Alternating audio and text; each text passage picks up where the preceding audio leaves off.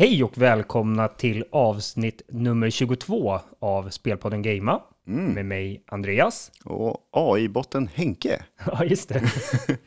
Ja, vi provade ju ett AI-grepp tidigare, men vi märkte att eh, ah, det var lite svårt att få in text Eh, ja, i eh, ett ljudformat. det var lite gammal information också. Eh, och man, man kunde bara ställa frågor som var liksom bakåt i tiden. Det var inte så här Nej. dagsaktuella grejer. Plus att det kändes som att det var bara list, listbehov. Liksom. Det var deras listor ungefär om man skulle ha så här, Ja. bästa Nintendo-spel. Jag tyckte att det, det, det funkade, men det kändes som att man låste in sig i olika liksom, ja, rum. Att det går inte att gå vidare med det här. Nej. Vi får komma på något annat, men AI är ju väldigt fascinerande och det revolutionerar ju verkligen spelvärld och eh, alla, hela elektroniska världen överhuvudtaget. Liksom. Ja. Jag, jag lyssnade här i veckan på, ja, det var någon YouTube-kanal och då var det någon som sa, här är senaste singeln från Jay-Z. Mm. Och då var det bara, jävla skön låt. Sen bara, efter bara, nej det var inte Jay-Z. Det var Jay-Zs röst som hade samlats in och samplats. Där, Och sen hade någon skrivit en låttext och musik och så här. Det var inte bara liksom, sjung det här. Mm. Utan det var ju massa parametrar och behövde ju ha ljudslingor och sånt där. Ja, Men just att det lät till 100% som Jay-Z, ja. men var bara hans samplade röst.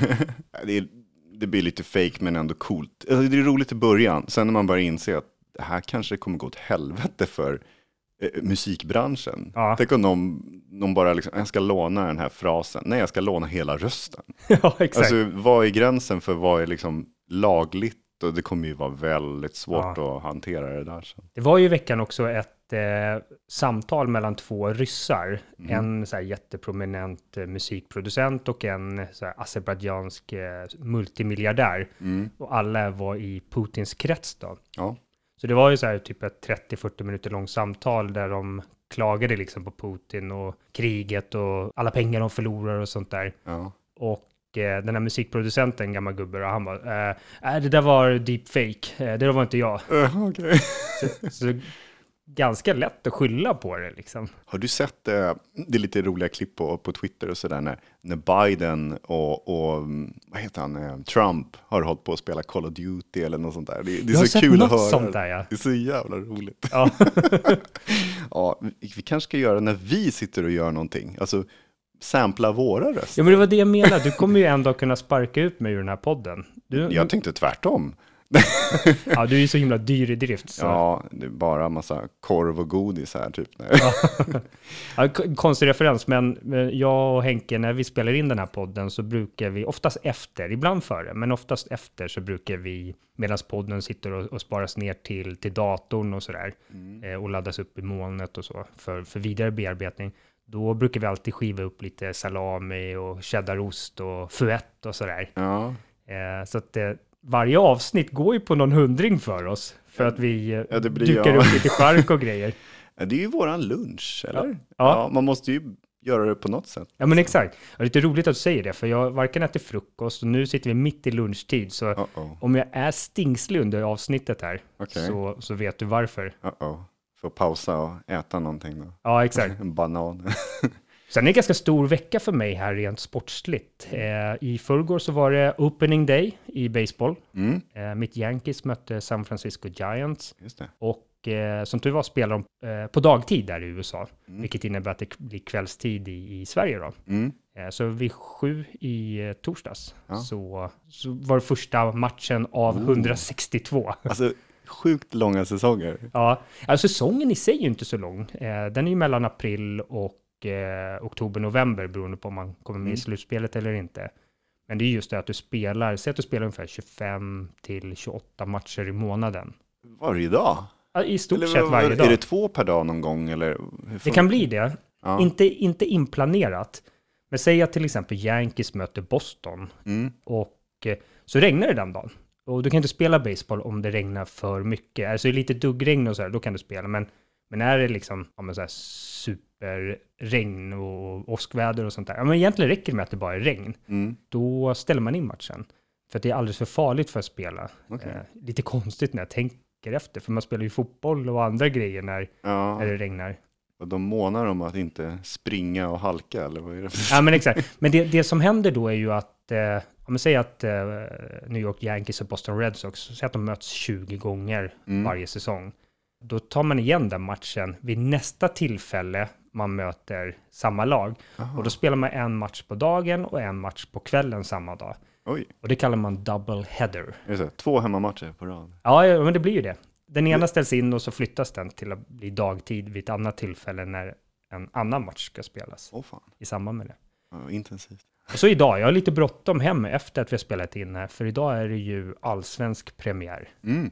Det är lite roligt, för när jag gick hit så går jag ju förbi eh, Grimsta, Mm. Grimsta IP, där Brommapojkarna spelar sina hemmamatcher. Och det är de mitt kära Djurgården möter på hemmaplan i, ikväll då. Ja, vad- om vi ska gå framåt i tiden här, vad tror du att resultatet blir? Då? Ja, Det där är Har de haft en bra försäsong? Och... Ja, nej, hyfsat. Men vi, vi spelar ju så här Europacupspel, då gick det ju eh, jättedåligt. Vi förlorade Okej, mm. två matcher mot ett polskt lag. Uh-oh. Eh, men eh, alltså vi borde vara, rimligen vara det bättre laget, men Brommapojkarna, man vet aldrig vad de... Mm. Det är ju typ norra Europas största fotbollsklubb, om inte till och med hela Europas största fotbollsklubb. Ja, just det. Du vet, de bara suger upp alla talanger som finns i Storstockholmsområdet, framförallt här i västerort och i norrort och sådär. Mm. Ja, de har väl ryktet att kunna göra det också, så att alla söker sig kanske ja, exakt. dit. Ja, men jag, för typ så här 15 år sedan, då eh, var jag träffade Spånga, kan de heta? Spånga eh, IK.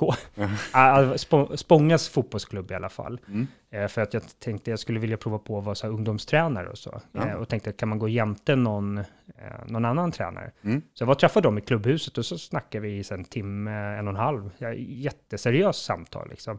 Men då berättade de att de hade en ung lovande spelare som var typ en av de bättre i hela, hela Sverige. Mm. Som spelade typ i deras så här pojkar 12-lag.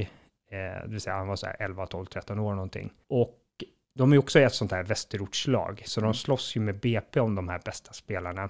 Och det de kunde säga till den här 12-åringen var så här, ja men om du spelar i, vidare här i Spånga, då får du typ två par skor kostnadsfritt varje år och två fotbollsbollar.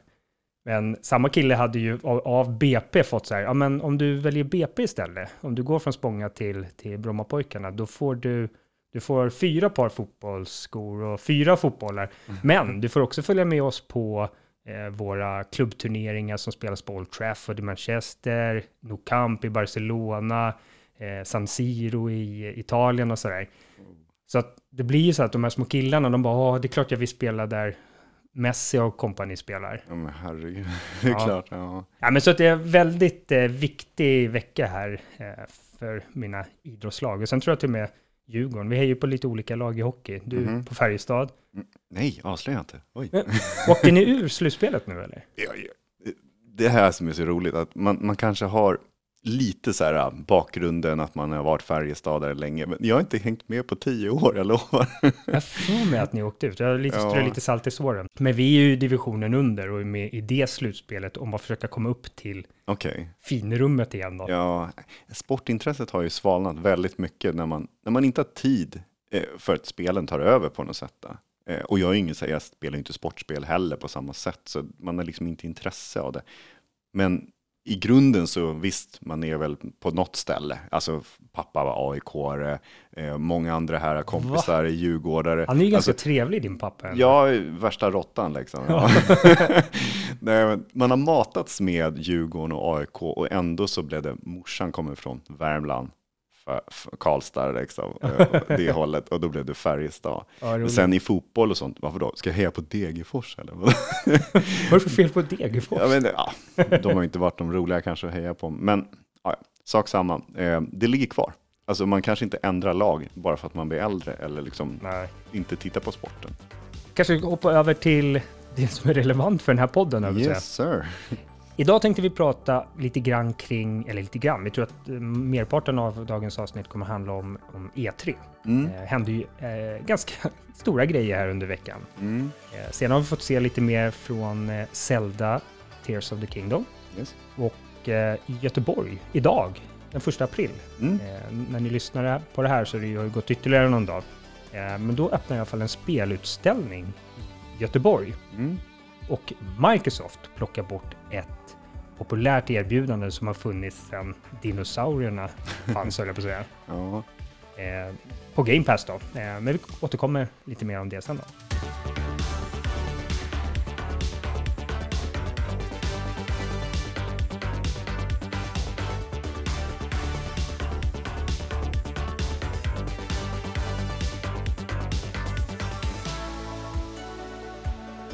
Men först tänkte vi kolla lite grann med, med oss själva. Vad har vi spelat sedan sist? Jag tänkte Mm. kolla med dig lite grann. Du eh, hade ju pratat om... eh, Du blev lite sugen om att testa det här Chia. Ja, jag körde faktiskt igång det häromdagen. Ja. Ehm, jag Det- körde några timmar då. Du, du var ju smart och väntade ett par dagar, en vecka. Ja, visst, för det hände ju en sak. Ja, precis. För jag klagade nämligen på att det bara var 30 FPS. Ja, och bara några dagar senare så bara, nu finns det performance mode med 60 FPS 1080p. Ja, det är otroligt vilken jävla makt man har. Ja, det var, det var du alltså. en, en svensk podcast i eh, lilla, lilla Sverige. Ja, ja, det var dina tweets där till dem. Ja, De bara, okej, bara för att Andreas ja, just det.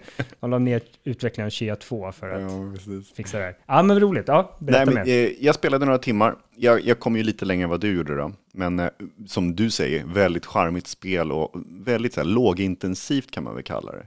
Det är inte så mycket eh, mer än att man utforskar, utforskar, utforskar. Det är lite svårt med så navigering och sånt med karta. Man, man har ingen så här, ikon på, när du klickar på kartan så ser du exakt var du är och vart du ska gå. Men man får, man får liksom gå på lite mer lokalsinne och sånt där. Ja. Det är roligt så här, att titta på öar och träd och all möjliga grejer.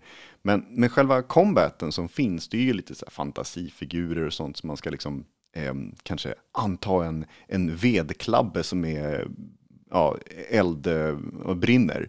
Och så Ja. ska man rulla runt i fienderna så de blir liksom, ja, de dör.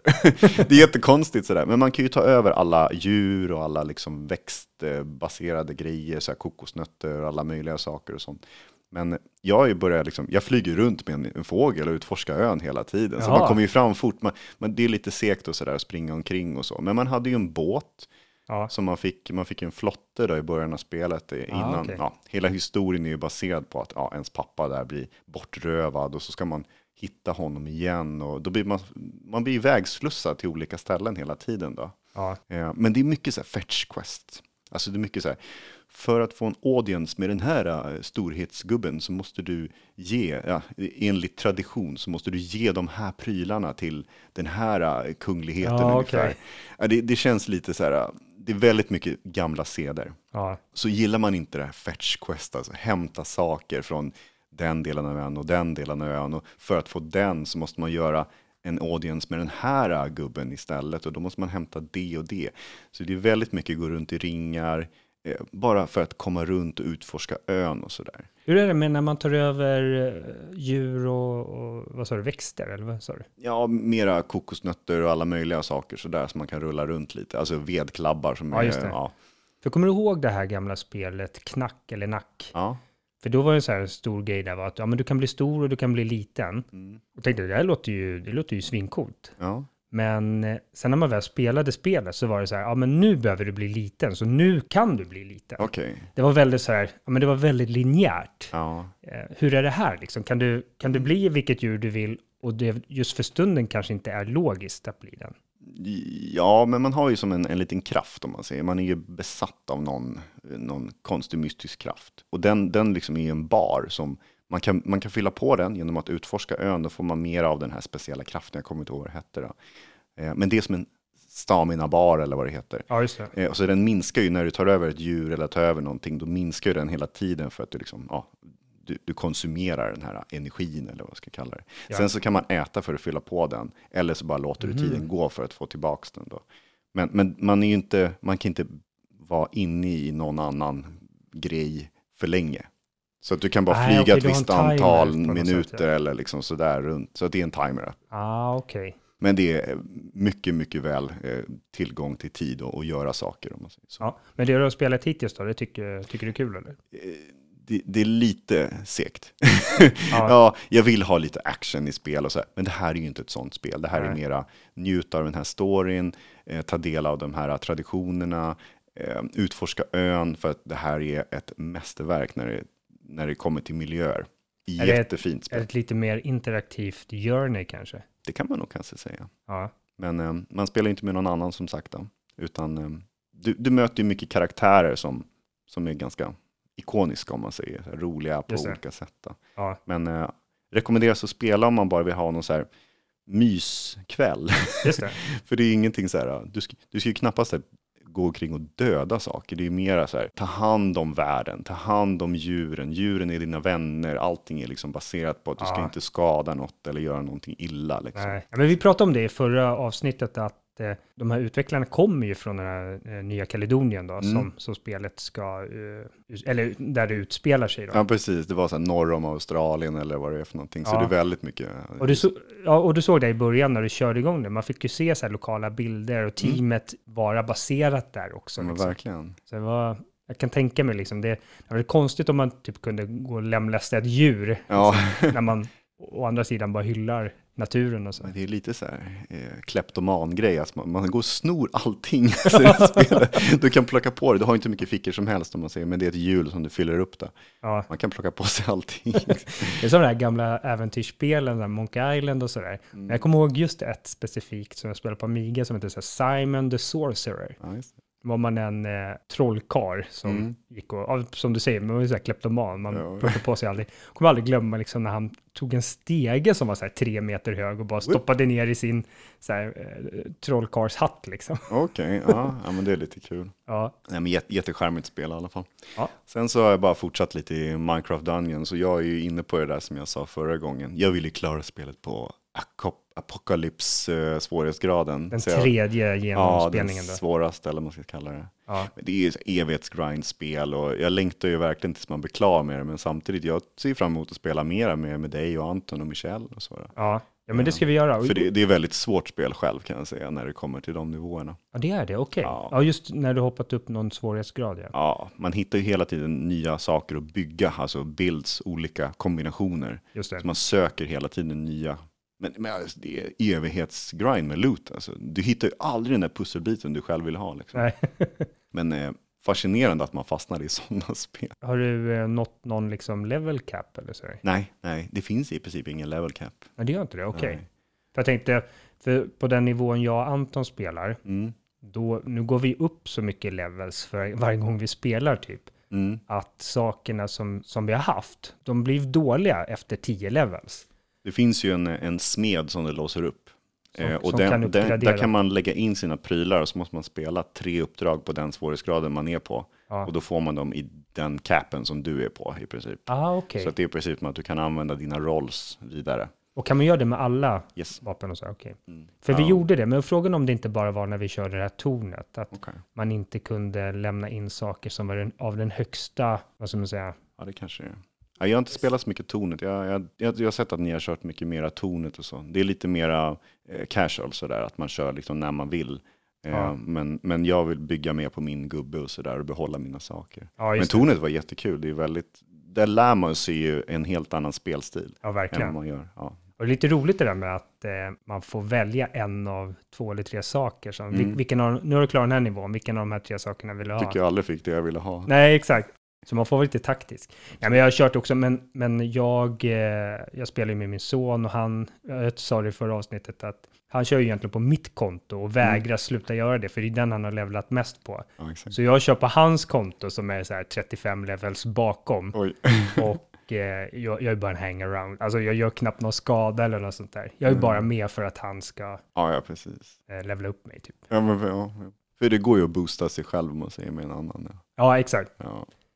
Jag har spelat eh, ett spel som heter Moonlighter. Eh, det var sån här Steams stora rea. Mm. I och med att jag har Mac så brukar jag filtrera vilka Mac-spel finns det på Steam, vilka är nya och vilka finns på rea och så vidare. Och då var det här Moonlighter. Eh, vet du vad det är för spel? Nej. Jag vet inte, jag vet inte vad jag ska kalla det, men jag, jag, eh, jag får lite så här gamla Zelda-vibbar av det. Okej. Alltså, Det är så här pixlig grafik, du ser det uppifrån, precis Okej. som så här gamla Zelda. Mm. Och eh, ja, du är i en stad så här. Så där driver du som en slags affär. Så egentligen ska du ner i olika dungeons, eh, samla på dig grejer Mm. och sen ska du försöka ko- komma tillbaka till staden. Du ska försöka överleva den här dungeon. Den finns i tre olika våningar. Mm. Eh, och i slutet av varje sån här dungeon finns det en boss. Eh, men ganska svårt, vilket gör att eh, du riskerar att dö. Så du har hela tiden det här valet, ska jag transportera mig tillbaka till staden eller ska jag fortsätta försöka få mer loot? Mm. För den här looten, vad du gör, det är att du ska sälja det i din, eh, i din affär Okej. eh, i staden då. Och eh, det här är liksom väldigt eh, trial and error, den delen när det gäller förs eh, försäljning. För du får inga tips. Du, du kommer tillbaka till staden och så bara, du har tre stenar, du har en fjäder, du har det och det och det.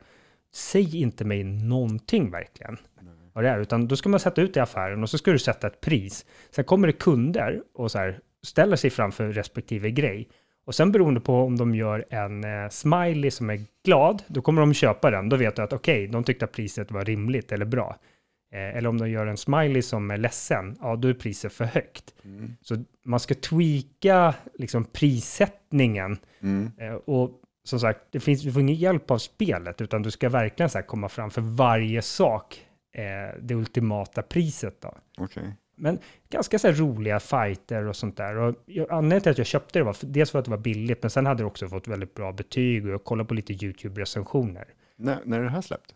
Var det 2018 eller något sånt Det är så pass? Så det har några år på, mm. på nacken. Fan mycket spel är man inte alls har koll på. Nej, och det här är ju ett indiespel liksom, mm. så att det, det, är inget, det var inget AAA eller det, jag tycker att det är kul att man kommer, kommer över sådana här spel, för då är det så billigt om man ser ta hand om dem nu. Ja, ja. ja men vad betalar 50-60 spänn? Ja, men precis. Det är hur billigt som helst. Det som är lite speciellt också är att vissa av de här sakerna som, som du plockar upp, mm. eh, de kan du bara placera på vissa delar av, din, eh, av ditt inventory. De så här, den här, den kan bara ligga till högersidan i inventory. Det, får, det kan inte ligga upp eller ner eller till vänster. Ja, men tänk att du har så här fem gånger tio rutor som mm. du kan mm. sätta grejer i. Liksom. Okay. Eh, och det som är allra raden längst upp, den, det behåller du om du dör. Allt annat förlorar du om du dör. Okay. Så att, ja, otroligt, det är, det är så management över ditt inventory. Det, ja. det är eh, så här pixelgrafik, fighter mot monster och så vidare. Och sen den här uh, management-delen då, sälja saker. Mm. Men det, när jag hade klarat sen tre, jag tror att det finns fem dungeons, när jag hade kört tre dungeons, då bara kände jag så här, det är så sjukt enformigt och pengarna börjar rulla in liksom av, eh, av automatiskt nästan. Så att, mm.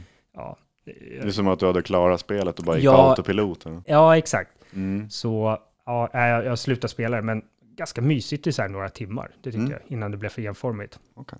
Nästa spel jag spelat eh, påminner ganska mycket om det här spelet när jag tänker efter. Och det här är betydligt mer eh, nyare spel. Det kommer i veckan här och det eh, heter Dredge. Mm.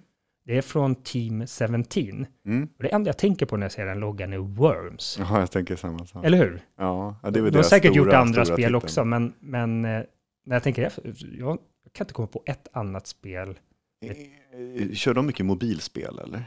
kan tänka mig att de, de var jättestora på mobilspel också. Ja, det kanske är. Worms är ju lite det där mobilspelstuket. Ja, blivit i alla fall kanske.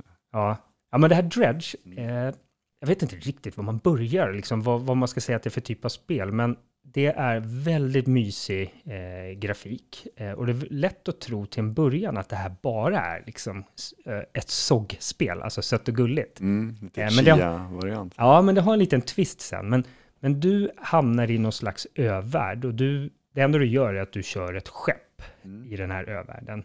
Eh, och det du gör är att du åker runt och fiskar i vattnet här.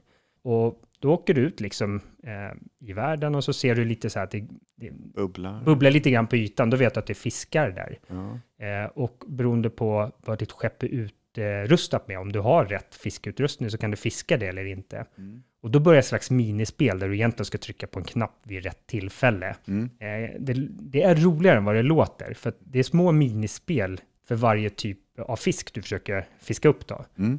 Och sen får du, det, det jag tycker kanske påminner om Moonlighter här, och det är att du får det här uh, inventory management. För de här fiskarna är lite olika stora. Ja. Eh, och i ditt inventory så, du kan välja att ha väldigt mycket utrustning. Du kanske vill ha lampa, du vill kanske ha två olika fiskedrag, du vill ha två motorer för att åka snabbt. Men det tar plats i ditt eh, inventory, mm. eh, vilket gör att du har plats för färre fiskar. Mm. Och vissa fiskar, de är så här två rutor stora. Vissa, om du tar en sån här stingray, den är så fem rutor stora, så du kan bara kanske få en eller två sådana. Okay. Och sen ska du åka in till stan och sälja det här. Ja. Eh, och det ska du helst göra innan fisken börjar ruttna. Så ju snabbare du fiskar, eller när du har fiskat någonting, och ju snabbare du åker och säljer det i staden, mm. ju mer pengar får du. Sen, men det som är twisten här är att du får en himla massa uppdrag. Det finns en story, eh, en storylinje i, i det här spelet. Mm. Och ja, jag har sagt det förut, jag brukar trycka mig bort förbi sådana här eh, textrutor. Så jag har kanske gjort det lite för mycket, men om jag förstår det rätt så är jag den nya fiskaren här i den här världen. Mm. Och den förra har försvunnit under mystiska omständigheter. Mm. Och det som är grejen, det som är twisten här, är att eh, tiden går när du är ute och fiskar och gör saker. Och eh, ju senare tiden blir, ju mörkare blir det. Och då blir det helt plötsligt, man får ett öga som, som är grönt så länge du känner dig safe. Men är du ute på, liksom, ute på havet och det är mörkt och det är mycket dimma och sånt där, då blir det här ögat rödare och rödare. Oj. Vilket gör att eh, det börjar hända saker i den här världen. Det Ja. kommer, och du är ute och kör, helt plötsligt bara kommer det en klippa som inte fanns där tidigare. Eh, det kommer ett, eh, ett spökskepp och kommer att sno din last, eller det kommer fåglar och så här. Så att det är också management över tiden. Så här, hinner jag? Okej, nu har jag fått ett uppdrag att jag ska åka till den ön och leverera Mm. lite bråte eller sådär. Så bara får man alltid kolla på klockan. Ja, men den är 16.00. Om jag ska åka dit, då är den kanske 22, men då har det börjat mörkna. Så då kan det hända saker på vägen. Så att man får, man får alltid vara så här, man, man får liksom managera sin last, vilken utrustning man har och hur mycket klockan är. Spännande. Ja, Ja. Och jag, jag satt och spelade väldigt mycket igår kväll och eh, det var ett par gånger då jag bara, ja men jag tror jag hinner. Och du vet, det bara slutar med att båten kapsejsade. Nej. Jag har inte kommit så långt att jag kan komma till någon riktig slutsats. Eh, men just det här med att jag bara, ja men bara en dag till. Mm. Bara en dag till. Det är lite så här beroendeframkallande spel. Alltså. Ja. Ja, och det är det verkligen. Och jag har sett att det har fått jättefina recensioner. Det var därför jag slog till på det. Jag har också kollat lite på det sådär. Jag har också sett mycket positivitet om det. Ja, jag är lite osäker på att det finns. Jag satt och kollade på en YouTube-kanal och så sa han så här, ja, det kostar 18 pund på, på Steam. Så jag gick bara in på Steam och så såg jag att det hade stöd, inte eh, Mac-stöd i och med att jag har Mac, men däremot så eh, kom det på GeForce Now. Mm. Så jag köpte det på Steam och så kör jag det via eh, GeForce Now på min, på min Mac. Mm. Jag tänkte inte överhuvudtaget på att det kanske finns på andra plattformar också, men det fanns på Playstation åtminstone. Ja, jo, jag har sett att det finns i Playstation Store. Ja, måste ju finnas på Switch och Xbox också. Det är ett mig. sånt spel, ja verkligen. Ja, Det verkligen. passa överallt. Supermysigt spel, men har också den här mörka twisten. Mm. Och det var som så himla mysigt var när mina, alltså min fru och min, mina barn var iväg och simmade eh, på simhall medan jag satt och Mm. spelade där. Och sen kom de hem, så båda barnen bara, vad är det där för spel? Och du vet, de gick och hämtade stolar och satt bredvid och tittade Oj. på när jag spelade det. Händer aldrig. Ja. Det finns inte ett annat spel som de, mig veterligen har de aldrig satt sig bredvid mig för att titta på när jag spelar. Så det var, det var väldigt så här stor, Publik, en stor eh, händelse igår ja. hos familjen Westling. Kanske du brukar inte spela sådana spel kanske? Är det därför de bara, va? Varför spelar du sånt här nu? Liksom? Ja, ja, det kanske är det. Ja, ja.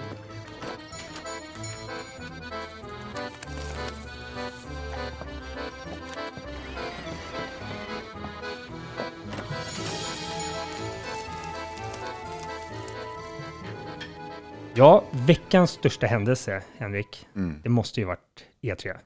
Ja, eller inte E E3. Ja, det började ju med att eh, Ubisoft Mm. sa, jag vet inte om Ub- vilka som var först, men det var ju bland annat eh, Ubisoft och Tencent meddelade att vi kommer inte komma på årets E3. Mm. Och framförallt Ubisoft, de var ganska stort, en av världens största spelutgivare förstås. Mm. Men eh, det var ju bara någon månad sedan de sa att vi kommer vara där. Vi kommer Ja. visa väldigt mycket spännande och, och sådär. Ja. Och nu eh, en månad senare, nej, vi Nej. kommer inte. Nej. Och i och med att eh, Microsoft eh, också för någon månad sedan sa att nej, men vi kommer inte. Sony har sedan flera år tillbaka eh, hoppat av. Nintendo kör sitt Nintendo Direct istället. Mm.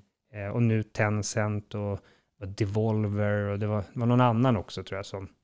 Ja, jo, jag tror det var typ Sega eller Atari. Alltså, Ja, det var Sega jätte, var det. jättemycket konstiga som bara, va? Brukar de här uttala sig om att de inte kommer? Ja, nu är det ingenting verkligen som kommer. Nej, och det har ju inte varit, det var ju tanken att det här skulle vara det första fysiska E3 sedan 2019. Mm. Eh, vi har ju haft covid däremellan. Eh, hade vi ett digitalt där? Då? Förra året så hade de ingenting. Ingenting, nej, Det var precis. bara för att de skulle förbereda för det här året. Ja, exakt. nu kommer vi tillbaka med stora steg liksom. Ja. Och så var boom, ingenting. Nej men precis, för det där var ju den stora grejen att nej, men 2022, vi, vi fimpar det och så lägger vi det stora krutet på eh, 2023. Mm. Men i och med att Ubisoft, Sega, Tencent eh, och alla de här andra stora sedan tidigare valde att eh, hoppa av, Ja. så den här branschorganisationen ESA då, som, som anordnar E3, Ja. de meddelade helt enkelt att nej, vi ställer in. Mm. Det blir inget 2023. Eh, däremot så sa man ingenting om framtiden. Eh, och det är väl för att man kanske, kanske inte vet heller. Jag tror många tippar att nej, det kommer inte bli något mer E3. Jag tror inte det heller faktiskt. Nej, nej, för frågan uppstår ju då uppenbarligen, liksom, har E3 spelat ut sin roll? Mm. Kommer vi se det i, i det här formatet? Och vad är egentligen formatet idag? För jag, jag har aldrig varit på ett E3. Eh, Mm. jag har tolkat det som att det är en väldigt stor mässdel Mm. där utställare visar upp för bransch och journalister. Det här är våra nästkommande spel, lite tillbehör och, och sådär. Mm. Eh, Det har inte varit öppen för publiken alltid. Det är vissa dagar som har varit det och Jag vet inte vilket år de började med att man fick komma och, och, och vara besökare om man säger. Och det var ju inte första dagen, det var ju liksom andra, tredje Ja, dagen, exakt. typ sådär. Eh, men överlag så har det ju varit bara för, om man säger, journalister, För för branschen, branschen. ja. Så det är ju därför vi har suttit och, och haft koll på webbsidor eller senare år av YouTube och allting sånt där med de här show, showcasen som brukar vara på, på stora golvet. Va? ja, Men ja, nu har det inte blivit någonting senaste åren. Så man har inte tänkt på hur mycket man saknar men ändå. Det är mycket gamla rävar, mycket så här gamla analytiker och liksom så. Ni måste ha E3 fortfarande, det är så stor betydelse. Men nu, va- varför blir det så här? Det betyder att de inte vet hur branschen går framåt. Nej. Är det, liksom, är det nya människor som har tagit över eller liksom nytänkande inom att det kostar så fett mycket pengar att arrangera E3. Inte bara för E3 själva utan för de som hyr in sig på golven och det är liksom miljoner med kronor ja, för att bara ha ett bås och showen och allting. Att de pressade och ge ut en trailer eller vad som helst inför det här datumet, inför den här dagen. Att det, det är det här som slog lite bakvänt på något sätt, att nu kan vi bestämma själva. Visst, de är ju centrerade. Deras stora shower kommer ändå vara Playstation, eh, Microsoft. De kommer ändå vara omkring, men det är, det är deras man säger, beslut när de ska ha det, när de är redo. och Så. ja. Så det känns som att nu har vi gått vidare. E3, vad är E3 idag? Egentligen bara ett namn. Det finns liksom inge, ingenting att behålla som man inte kan skapa på annat håll. Nej, jag funderade på det, för det, du var inne på det, det finns ju några olika aspekter där. Dels kostnader, Mm. jag bara tänker, vad, vad skulle det kunna tänkas kosta? 50 miljoner kronor. Mm. Alltså det, det, det är en droppe i havet för Microsoft och Sony och Ubisoft. Och Men Activision ändå och så. 50 miljoner att lägga på spel, eftersom man tänker AAA-spel, 100 miljoner i, om man säger, det, det, okej. Ja, men jag tänkte 5 miljoner dollar. Ja, för- ja, jag, jag, bara, jag hittade Ja, du på en menar så, okej. Mm. Men det är en del, så det, den tror jag absolut på ett sätt är bidragande, men jag tror inte att det är där det står och faller riktigt. Nej. Men sen är du inne på det här med att man behöver eh, kanske ta, göra ett specifikt speldemo, bara för E3. För Ja, att eller som det varit för CGI-trailer som har blivit kritiserade. Det här är ju inte gameplay. Nej, exakt. eh, du ska planera spelsläpp i princip till, Ja. till E3, eller ja, och, och massa sådana här små saker som jag tror adderar upp till, till någon Mm. form av sånt här beslut. Men personen, jag tycker ju att de här State of Play och Nintendo Direct och så här, visst, de är ju matnyttiga, de är ju väl, de är kul att titta på så här. Men jämfört med så här live-uppträdande på Mm. scen, eh, okej, nu är ju oftast det trailers de visar och sånt där, eller att någon låtsas spela ett demo Mm. på scenen. Men det ger ju mycket mer inlevelse. Ja, men tänk när Keanu Reeves kom fram där och sa “You are breathtaking”. Du kommer ju aldrig få någon sån moment. Nej, ja, det var Och- faktiskt coolt. Ja, eller när Microsoft liksom ska, när de står och presenterar Xbox One och börjar prata om kabel-tv och grejer och sånt där. Jo, Och, och Sony någon dag senare går fram och bara kör över Microsoft i pris och funktionalitet och så vidare. ja, Alltså den dynamiken, den, den kommer ju upphöra i så fall. jo. Om Ja, men det- digitalt. Det var väl Phil Spencer som sa redan så här 2019 när Sony hoppade av, eller man ska säga. Han bara, magin är borta. Alltså det måste ju vara alla parter med. Det är inte bara så att bara Xbox är med. Ja, men då försvinner ju magin för att man måste ju ha någon att bolla med på något sätt. Det är så här en liten tävling såklart. Då. Ja, Och det var ju alltid att Xbox, de satte sitt datum och så kom Playstation, vi ska ha efter. Och Nintendo hade däremellan eller något sånt där. Det var, det var mycket så här, vem ska visa upp saker först, vem ska kontra, vem ska liksom Ja. säga sitt i slutändan och så. Det var lite kul. Men, men överlag så, det är jättetråkigt, men ändå så här, man, man visste att det här skulle hända.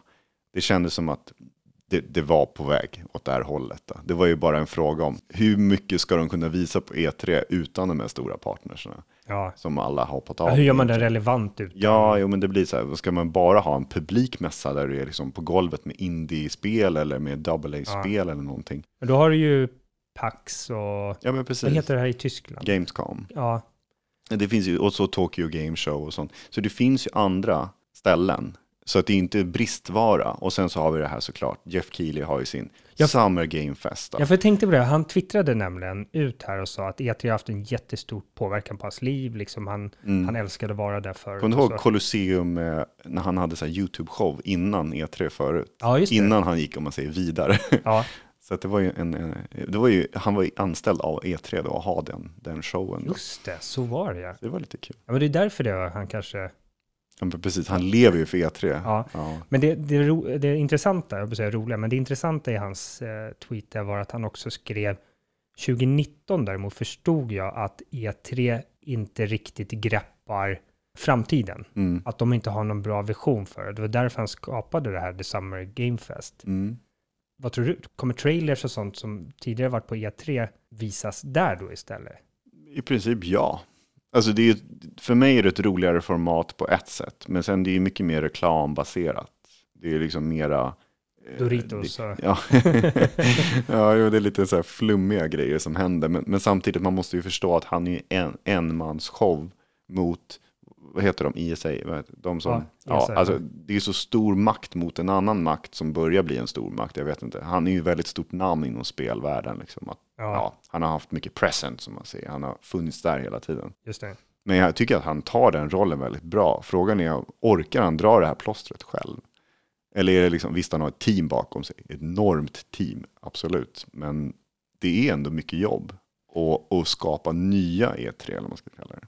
Jag inser, nu sitter jag bara och gissar, men jag för mig när det var Game Awards, Mm, som, som han också driver, mm, så var jag inne på, på sidan och kollade just på organisationen, och jag för mig att jag tyckte jag såg att de här stora drakarna också var delaktiga på något sätt i, Okej, i hans organisation. Ja, Mm. Microsoft och Sony och sådär. ja. Att de var med på tåget. Mm, Jag tror att eh, han behöver ha med dem. Mm, Det är lite på samma sätt som Spotify när de blev stora. De behövde ha musikbolagen. De gav ju bort ja, ägandedelar av Spotify till skivbolagen. jo men precis. Att de, de- de hade aldrig kunnat bli så stora som de är idag om de inte hade haft med de här på, på tåget. Och jag tror att Jeff Keely är lite samma sak där liksom. Mm. Och säkert en massa tunga investerare bakom sig också.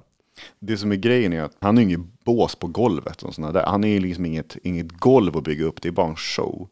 Eh, och visst, den ska ju hålla på här i juni. Det kommer vara 8 juni så börjar han. Så då, då tippar man ju såklart att men Playstation kommer ju vara med på något sätt. Ja, men då kanske det så här, eh, presenteras i samarbete med bla bla bla bla bla bla. Ja, just det. Men, men det kommer ju vara på, Playstation kommer ju troligtvis ha sin stora showcase och då kanske de lägger den innan. Eh, och då kommer det stå så här, presenteras i samarbete med Summer Game Fest, bla bla bla. Och sen så kommer ju Xbox ha sitt, eh, 11 juni, sin stora showcase tillsammans med Bethesda, plus det här um, Starfield Direct, som är precis efter eller före, eller jag vet inte.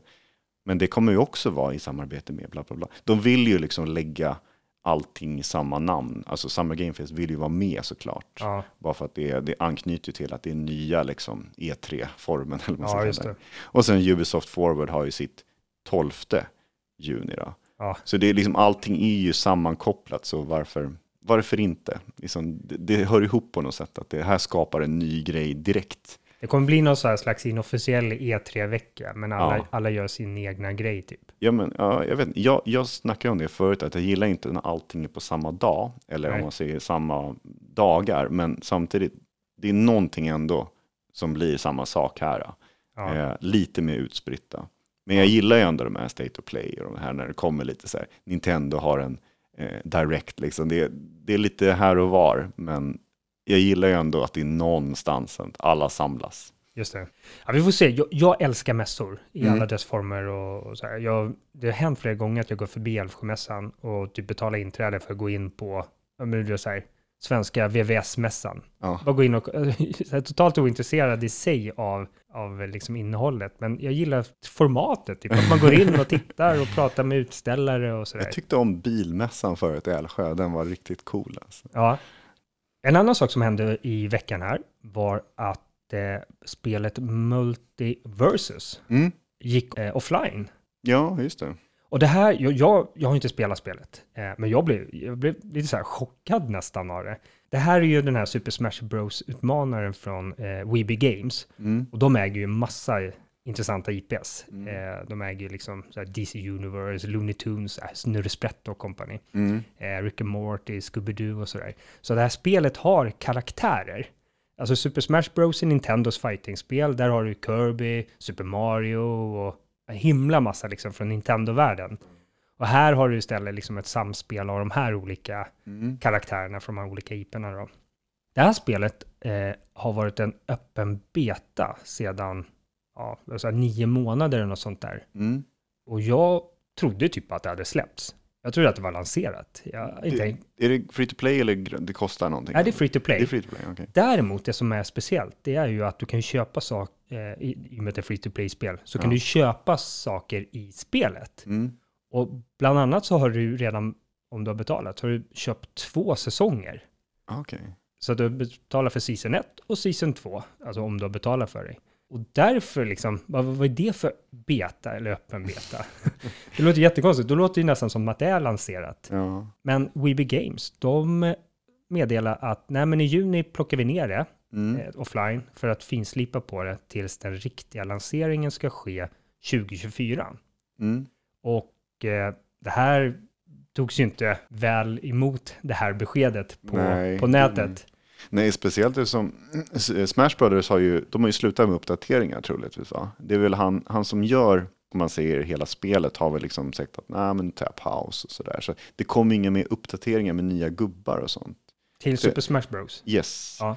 Eh, så nu väntar man ju bara på, ha, vem, vem tar över efter? Men det är ju klart att Smash Bros kommer leva vidare, men man tänkte så här, ha, men nu kommer nästa stora era med något annat sånt här kopiaspel. Ja, Och det här var ju en kandidat, så du skriker om Ja. det. Visst, det har ju varit flera andra, men de har ju också stängt ner. Liksom, det går inte, det är som Smash, det är, liksom, det är så långt uppe på prispallen. Liksom. ja men precis. Det, det som hände här var ju att man, man sa att det här går offline och ni som har köpt saker i spelet, Mm. Det är lugnt. Ni kommer få behålla det till den riktiga lanseringen. Mhm. Men däremot så gick man inte med på några återköp och så vidare, utan har du betalat grejer och köpt någon in-game-valuta eller hur det nu funkar, Ja. det kommer flyttas över till det riktiga spelet, men du kommer inte ha tillgång till det och du kan inte göra någon form av återköp på det. Det på, på ett sätt låter det rimligt, Mm. men det låter ju å andra sidan orimligt att stänga ner ett fullt fungerande spel för att återlansera det till fullo. ja. Och när jag läste lite grann kring det här så min teori är att det här var ju en megahit det här spelet. Mm. Eh, bara på någon, på någon, någon månad så hade de ju fått 10 miljoner registrerade spelare och i september så var den siffran dubbelt så mycket. Mm. 20 miljoner registrerade spelare. Mm. Alltså inte som spelade samtidigt, men som hade registrerat sig och gått in och spelat lite grann i alla fall. Men det som har hänt under 2023 är att eh, det finns så olika trackers som visar hur många som spelar spel, som uppskattar. ja. Och eh, en av de här trackersarna, de fick det till att de hade 1300 samtida spelare under en period. Vilket är bara en bråkdel av de här 20 miljoner som har registrerat. Så min teori är att spelaraktiviteten och spelarantalet har bara stört dykt. Mm. Och för att få någon form av eh, återstart av det här så plockar man ner det och sen återlanserar för att få lite bass sen igen. Okej, ja. Jag gissar på det. Jag, jag fattar inte att man tar ner så här fullfungerande spel. Jag är också svårt att förstå hur det här kommer att liksom boosta upp spelet så liksom relevans igen. Ja, men då måste man måste ju nästan släppa nya funktioner, en massa nya karaktärer och sånt där. Ja, men ja, varför kan inte betan rulla vidare?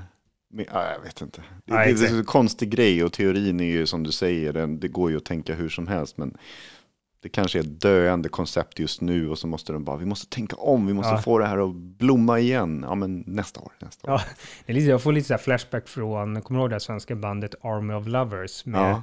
Alexander Bard och, just det. jag Ja. kommer inte ihåg vad de hette de här. De var andra. liksom så här, mycket gay, mycket trans, mycket liksom så här olika. Ja, men de, åter, de, de är ju ett av få band som har tagit en gammal skiva och sen bara släppt den på nytt. Jaha. Precis så samma format. Och det här Åh, var ju, det här var ju, alltså återlanseringen var ju, det var ju så här 20 år sedan de gjorde det. Så att det Bytte var, inte de ut karaktärer också? Så här, bara, ja vänta, hon vill inte vara med längre, då tar vi den här istället. ja, Storbystade bruden, det är bara att byta ja, ut. liksom. Camilla hette hon. Camilla Läckmark eller Ja, hon, hon var väl, eh, vad heter det, hon var väl så här kungens kaffeflicka. What? Ja, jättekonstigt. Ja, men de, de gjorde så i alla fall att de bara, eh, nej, vi behöver mer pengar. Vi, Ja. vi släpper den här skivan på nytt. Vi sjunger in den med de nya karaktärerna, eller ja, det var väl bara Alexander Bard kvar från gamla. Ja, nej, de spelar inte ens in, de återlanserar bara. Ja, det var bara helt samma. Ja, fan, då, okej. Ja, det var inte så helhjärtat. Men vi får se. Eh, AI-genererad. Ja. Ja, vi får se om eh, VB Games får en bättre återrelease med Multiverses. Yes. Lite tveksam dock. En, en rolig grej förresten, det är ju att de vann ju bästa fightingspel under Game Awards i december. Säg inte det mycket om vilken marknad eh, fighting games ligger i. Alltså, det är så få som släpps ibland, så Ja. det är inte så många som kan tävla om bästa Det var alltså fighting game. betaspel som Ja, men vann. exakt. Sen så kan det ju vara vissa år där liksom Tekken 8, eh, Street Fighter 6, liksom allting kommer på en gång. Ja, Eh, och, och då är det för mycket istället, då blir det liksom vad ska man välja? Men sen ibland så är det bara ett spel eller något sånt där. Det, det är så konstig marknad i vissa genrer. Då. ja. Ja, eller hur? Ja, det är inte riktigt min typ av spel. Jag är- jag har för dåliga reaktioner. Ja, nej, jag, jag är inte en, en fighting-människa sådär när det gäller spel heller. Nej. Men det är roligt. Jag kommer ihåg eh, någon av de här GameX-mässorna, apropå mässor då. Så var jag och Anton där, vad var han, så fem, sex år, så han fick ju egentligen inte spela det. Men vi gick in i Bergssalas Nintendo-monter och så spelade vi det. Mm. Vet, han önskar sig det än idag, utifrån de fem minuter vi spelade där.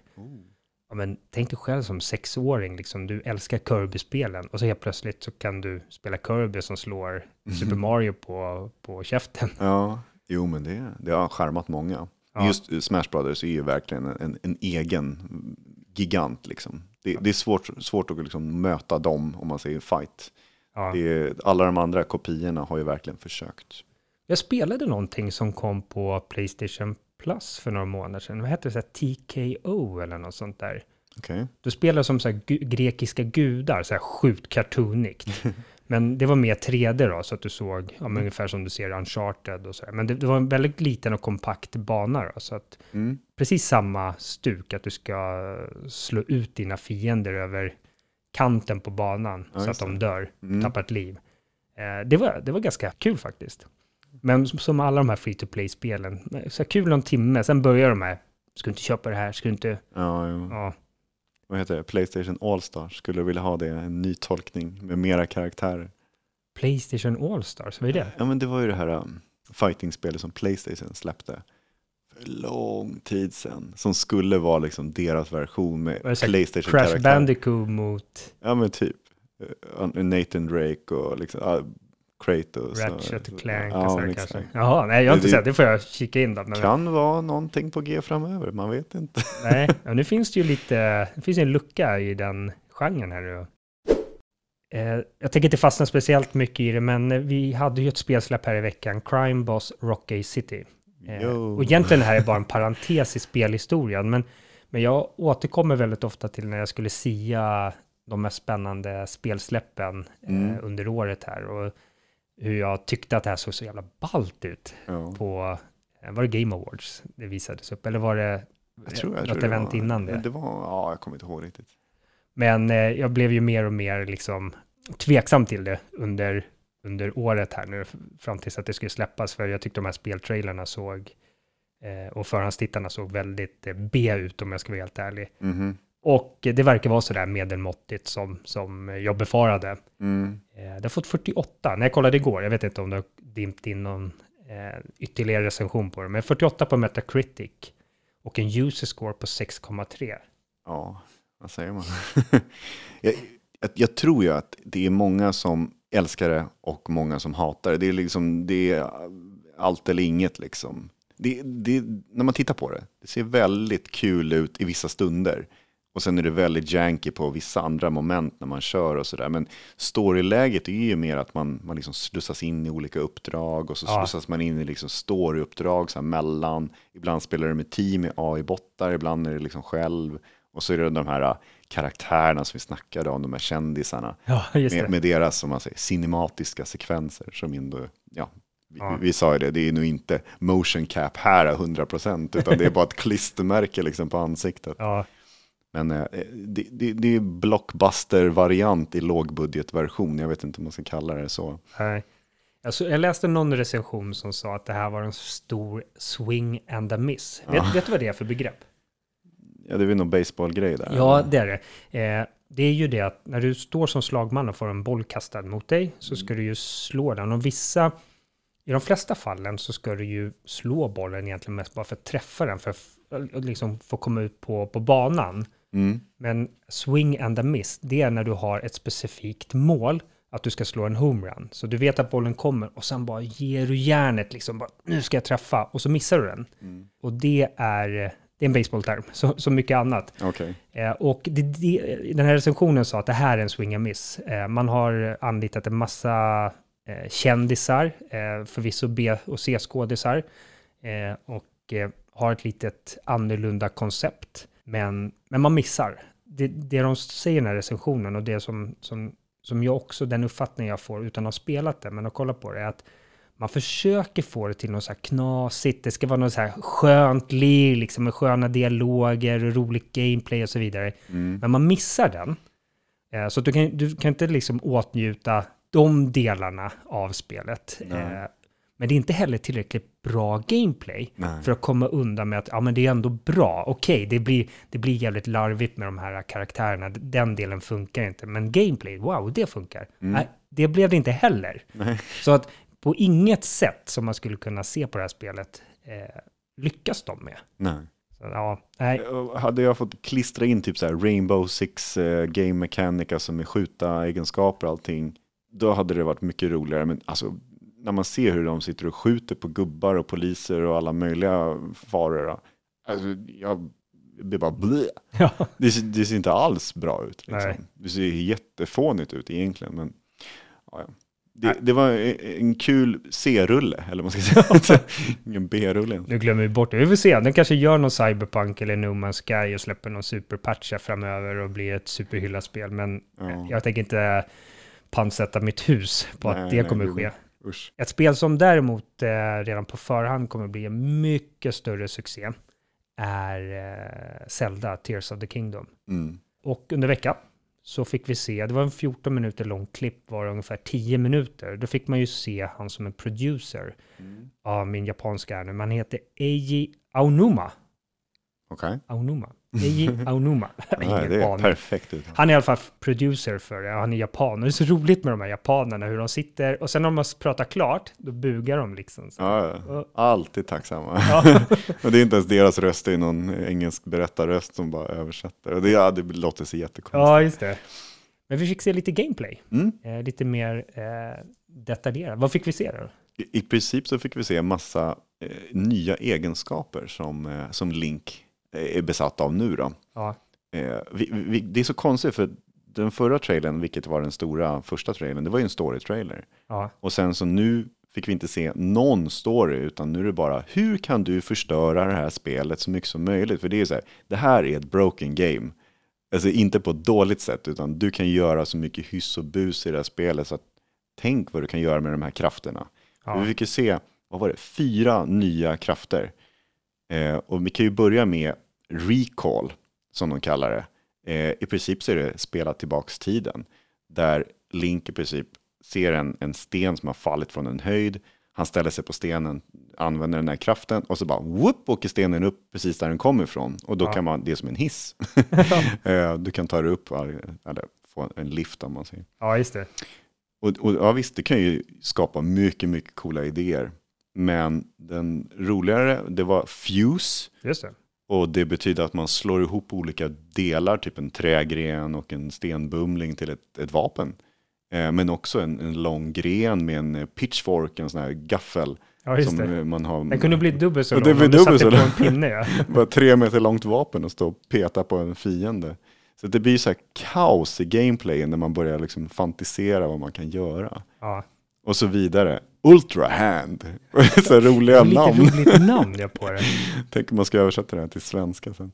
Där man kunde klistra ihop olika prylar, alltså göra till exempel en båt med stockar och sätta på massa fläktar och bara använda som motorer. Och Ja. Det var mycket så här, skapa din, eget, din egen båt, din egen bil, din egen eller någon helikopterplatta. Liksom. Ja, det var mycket sådana saker som fantasin kan flöda. Och sen det sista, det var ju så här, vad är det här för någonting? Ascend, Mm. där du liksom nästan mergar igenom tak. Där du står i en grotta till exempel, eller att du har ett hus där ja, det är ett tak ovanför dig. Då kan du trycka på ascenda, så åker du igenom taket. Du eller simmade, igenom. det ser ja, ut men som man liksom så här, simrörelse upp i luften. Liksom. Ja, Alltså, jag vet inte. Och, och så kom man upp till högre nivåer. Och det, det passade liksom i många situationer. ja. Ja, det var jättekonstiga krafter. Vi sa de där någonting att du kan, det finns vissa begränsningar att du inte kan göra det vart Ja. som helst. Men Jo, precis. Jag, jag, jag tänkte på det. Jag sitter och testar lite så, eller inte, inte där jag jobbar nu, men min förra jobb, då satt jag ju och eh, testade nya funktioner i våra system. Mm. Jag satt faktiskt och tänkte på det. Stackars de här som sitter och, och testar spelen för att hitta buggar och så vidare. Och det här måste ju framkalla enormt mycket Ja. buggar. Ja, men precis. Ja, men I den där grottan, om man, om man eh, åker upp genom taket där, då kommer du ju hamna där och då fastnar du under det och det. Alltså, Ja. De måste ju testa järnet här verkligen. Det här var ju för att visa, i princip så Breath of the Wild var ju ett spel där, visst det var en cool story, det var en häftig liksom berättargrej som man gick igenom, men det som folk spelade efteråt, det var ju det här, hur, hur förstör man spelet? i princip? Inte förstör, men ja, du vet, fattar vad jag menar. Liksom. Hur gör man så att spelet bara blir bananas kul? Ja, Eller att det ser häftigt ut. Där liksom, du kan använda gravitation, magnetgravitation eller någonting och svinga det med en träpåle, liksom bara ställa det på den och bara swing över hela, hela världen. Alltså det är, det är jättekonstiga hyss man kan göra. ja. Nu, nya verktyg, nya leksaker. Vad ska jag göra? Hur ska jag liksom streamers förstöra det här liksom, konceptet? Blir du taggad på det eller? Det här är ett spel som jag inte kommer spela. Men det är bara för att inte ha någon switch då. Nej. Men samtidigt är ju Jag säger att jag skulle köpa det och du kan låna det. Skulle du vilja köra det då? eller? Jag testade ju Breath of the Wild, men jag har väldigt svårt, när inte du hade någon Pro-controller just då, när Nej. vi testade, så kändes det jättekonstigt med de här Små. joycons. Ja, men uh, jag, jag vet inte, jag är mera en gammal Zelda-fantast. Ja, Jag tror att jag härjar lite i gamla eh, mönster. Och det, det är lite så, man är så här generationsmänniska, att jag tycker om den gamla Zelda nu, vissa tycker om den nya Zelda bättre, men man får inte se att det är någonting sämre, utan det är bara att jag inte kanske, jag har inte fastnat för de spelen. nej. Men jag tycker om att titta på dem. Jag ska vara ärlig. Jag tycker att det här spelet, och jag tyckte Breath of the Wild också, Mm. för mig är det här lite kejsarens nya kläder. Mm. Jag tycker inte att det ser bra ut någonstans. Det är inte det. Ja, alltså någonstans, nu låter det lite hårt. Det är samma värld, det är ju det som är... Alltså, jag också. gillade ju inte Breath of, Breath of the Wild. Mm. Eh, jag tyckte att det var, jag tyckte det var väldigt fult. Det var väldigt ful grafik. Jag gillar inte det här platta, utsmetade färgerna och sådär. Ja. Sen var det väldigt generiskt. Alltså det såg väldigt så här, totalt otrovärdig eh, värld. Ja. Det jag inte gillade mest med det spelet, det var att vapnen gick sönder. Liksom. Du kunde inte reparera dem. Vilket gjorde att du sprang runt och hade en ryggsäck med så här 17 svärd för att du, ja det var slit och släng. Samma sak är det här också. Det kommer vara det. Ja, det är till och med den här lilla gameplay-trailern, oj, det här vapnet gick sönder. Jag plockar upp en annan gren då. Ja. Så att, ja, sorry, det kommer vara kvar. Nej, men jag, gör så här, jag, jag tänker så här, om det här inte hade varit Link du hade spelat, det hade varit ett helt nytt IP, eh, Mm. med någon helt annan figur. Det är, det är Legend, vad som är, Barbro, Tears of the Kingdom. Hitta på en ny. ja, men exakt. Det hade aldrig fått den här hypen. Eh, och det här med att ja, du kan bygga en båt där så du kommer över, eh, vad heter det, floden där, eller vad det var. Det Mm. var någon vattendrag du skulle komma över. Dels var det så konstigt, bara, här, här är vatten och du kan inte simma. Man bara, Mm, det är, typ, okej. det är typ 100 meter, det är klart man kan simma. eh, men sen andra bara, men hur ska vi komma över? Oj, där låg det tre stockar och två fläktar av en händelse, precis bredvid där. Så det Mm. blir så här, ja. Och sen flyga upp genom taket. Så här. Ja, Jag, jag fattar inte storheten med det här spelet. Om man plockar bort eh, alltså Zelda och Link och allt det där liksom. Ja. Om man bara kollar på spelmekanik, hur snyggt eller fult det är eh, och så vidare. För mig, jag tänkte på det du förra avsnittet sa, det det här är ett typiskt sexspel. Och då, och då menade du på att det, det är så här sex av tio i Mm. betyg. För mig är det samma sak. Jag tror att det är habilt, det är helt okej och sådär. Mm. Men jag, jag vet inte. Jag, Det är svalt på din front om man säger. hur sval som helst. Och Ja. det, det var att jag inte blev såld på Breath of the Wild. Jo, men det, det är Men lite det här så. är ju Breath of the Wild 1.5 känns det som, när man tittar på det. Mm. Jo, um, samma värld i princip man springer omkring i, men mm, lite nya grejer och ja, det är klart det kommer vara mycket nya storybaserade saker och sånt. Då. Men det känns ändå som att jag har sett det här tidigare. Det är så lite nytänkande men ändå de här nya leksakerna plus de gamla leksakerna. Det gör ju hela liksom till en ny lekplats. Men hur kul är det att leka i den lekplatsen tills man har tröttnat? Ja, Ja, jag, vet inte. Om det här är bakåtkompatibelt sen med Switch 2 så kommer ju jag såklart att köpa det. Men just nu 30 FPS eller vad fan det kommer landa Ja, i för det, det, det är är lite det. det, som tänk, tankar tillbaks det också på något sätt. ja. Jag har gärna fel. Jag, jag sitter inte och försöker hata på det, så här, men inom mig så tänds ingen som helst gnista när jag tittar på det. Nej. Inte överhuvudtaget. Ja, vi får se. Mm. Idag, den första april, vi spelar ju in på lördagar. Mm. Idag är den första april. Eh, det här är inget aprilskämt. Eh, men när, när ni lyssnar på det här är det som tidigast den 3 april, då, i och med att vi släpps på måndagar.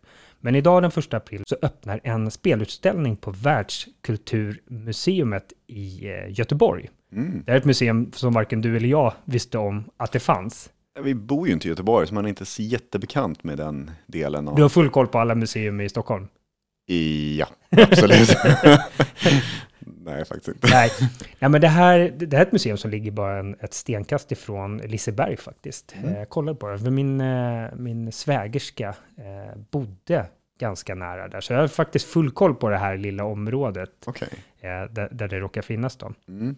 Eh, man har en spelutställning Mm. och spel är ju en väldigt generell, vad ska man säga, Term. en term ja. Ja. Det kan ju vara vad som helst egentligen, där du bara liksom tävlar ja. i någonting. Kortspel, vad som helst, sällskapsspel.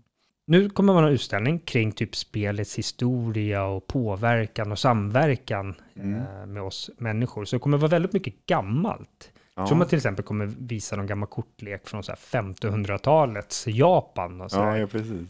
Man kommer bland annat visa så gamla och nya brädspel, eh, rollspel, Mm. live. Mm. Live? Kan man lajva utan människor?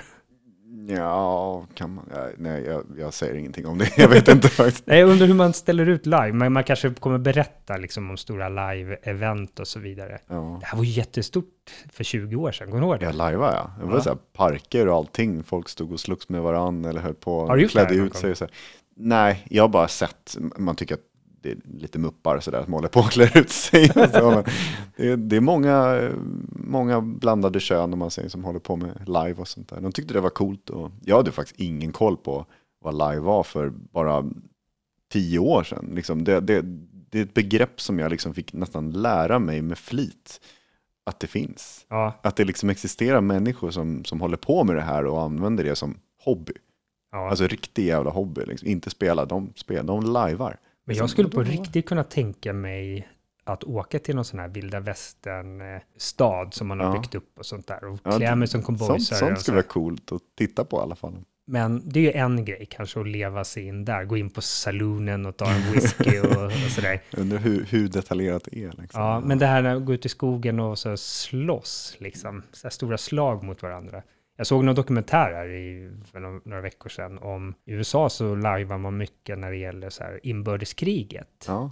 Eh, Så då klär de ut sig till de här gammaldags soldaterna. Kommer du ihåg? När de sköt? De, Ja. så här, skotten hade så här 30 meters... så laddar man om på Ja, två minuter. Exakt. Ja, herregud. Ja, ja, men så live. Men sen också mycket digitala spel då, så man kommer ställa ut och berätta mycket om arkadspel. Man Mm. nämnde indiespel också, Mm. eh, och, men även mycket kring eh, e-sport då. Ja. Den utställningen den kommer pågå mellan 1 april i år och ett och ett halvt år framåt och till den 18 augusti nästa år. Mm. Eh, och som sagt, ligger ganska nära Liseberg, så det ligger hyfsat centralt i Göteborg. Mm. Så det var ett och ett halvt år på oss då att boka tåg och åka ner och titta där då. Ja, fast vi har ju en, en annan kandidat här i Stockholm också. Tekniska museet har ju haft, jag besökte ju faktiskt den här grejen redan 2014. Alltså det var innan, i princip när Playstation 4 kom, Ja, så öppnade de upp en del där, jag kommer inte ihåg vad det hette just då, men jag tror att de stängde ner och sen så öppnade de upp igen för att det var så populärt. mm. Och just nu så heter det Play Beyond Play. Ja. Och i princip så är det en, en jättestor avdelning då. Tusen kvadratmeter va? ja ett helt Eh, våningsplan. Ett helt våningsplan. Fullt med bara klassiska spel, spelets historia. I princip mycket tv-spel.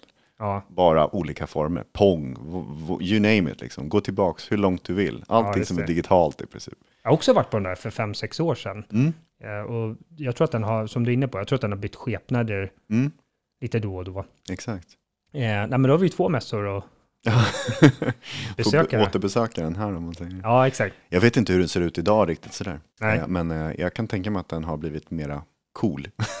Ja. För den var väldigt basic på den tiden då. Tekniska museet i sig, jag har ju varit där några gånger med bar, barnen, Mm. det har ju problemet med att det de ställer ut, alltså generellt, inte bara när det gäller spel, då, utan generellt att det blir gammalt väldigt snabbt. Ja.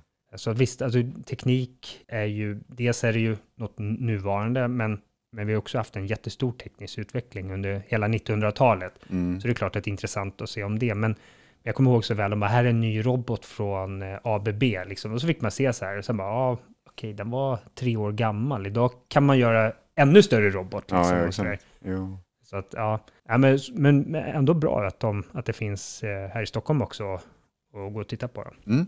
Tycker jag alltid de där museerna som ligger ute på, på Djurgården eller Ladugårdsgärdet där, att de är ju lite knepet att ta sig dit. Absolut. Ja, det är ju bil egentligen. Buss eller bil. Buss eller bil, jag tror inte ens att det går någon sån här tvärbana eller spårvagn dit va? Nej, man kan ju gå också. Vi gick jättemycket när man var liten och så här. Dagis och man ska ut till museerna. och- Ja, men man skulle ändå vilja ha dem mer inne i stan på något sätt. Men Ja, men de har sin charmiga plats där ute. ja, det är lummigt och vackert där ute vid. Kaknäs och så. Jo. Då går man förbi amerikanska ambassaden som ser ut som, ser ut som ett fort. Ja, militär nästan som står utanför ibland. Ja. Eh, vi fick eh, veta vilka spel som kommer till Playstation Plus Mm. i april. Yes. Eh, det ena är Meet Your Maker. Mm. Och deras beskrivning var lite rolig. Så här, Post-apocalyptic first person building and raiding game. Ja, alltså det här konceptet, man har ju tittat på det här spelet lite grann när man kommer med trailers och lite så här under utveckling och sånt. Och sen, det här släpps ju day one, alltså det, ju- det släpps ju och då kommer det direkt på, på Playstation Plus Essentials då. Just det. Så det är ingen annan egentligen som har fått ta del av det såra innan. Eh, men du ska egentligen raida andras eh, bebyggelser eller bygga en egen hinderbana för folk att ta sig an och det är fantasi som du skriker om där. Du kan bygga precis vad du vill Ja. i form av eh, fällor, eh, placera ut fiender och sånt. Jag vet inte riktigt vad målet är, vad man får i slutändan, om det är någon sorts valuta eller någon, någon annan sorts belöning. Men eh, det här är jag intresserad av att testa. Ja. Mest för att det känns som en Mario Maker-variant. Du vet när man bygger banor och Ja, så bara, exakt. jag ska göra det så svårt som möjligt så ingen kan klara av det här. Och sen bara ta sig folk an det på 14 sekunder ändå. Så det, det är en utmaning att hindra folk från att vara i sitt esse. Ja, Men ändå kul att se hur andra människor tar sig an de här gigantiskt svåra banorna. ja, just det. Om jag tolkade det, för jag kollade också på någon YouTube-klipp kring det, så får du, alltså om, om du klarar någon annans bana så får du någon valuta eller resurser av något slag. Och Mm. det kan du använda till att bygga i din egna. Okej, Då får du mer så att du kan bygga fler och farligare monster och fällor och sånt där i ditt, Okej. i ditt hus. Jag fick ju eh, starka vibbar från, det var någon GameX-mässa som jag provade den här The Mighty Quest for the Epic Loot. bästa Från, namnet alltså. ja, från Ubisoft. Det, var, det är lite samma stuk, fast där såg du så här isometriskt, lite så här Diablo-stuk på det. Okej. Medan det här var ju mer eh, FPS då. Mm.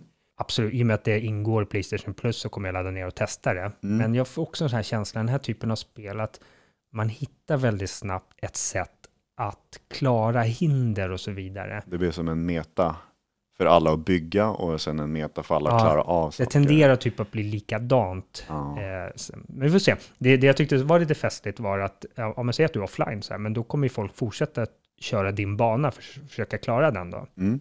Du får en repris på alla som försöker.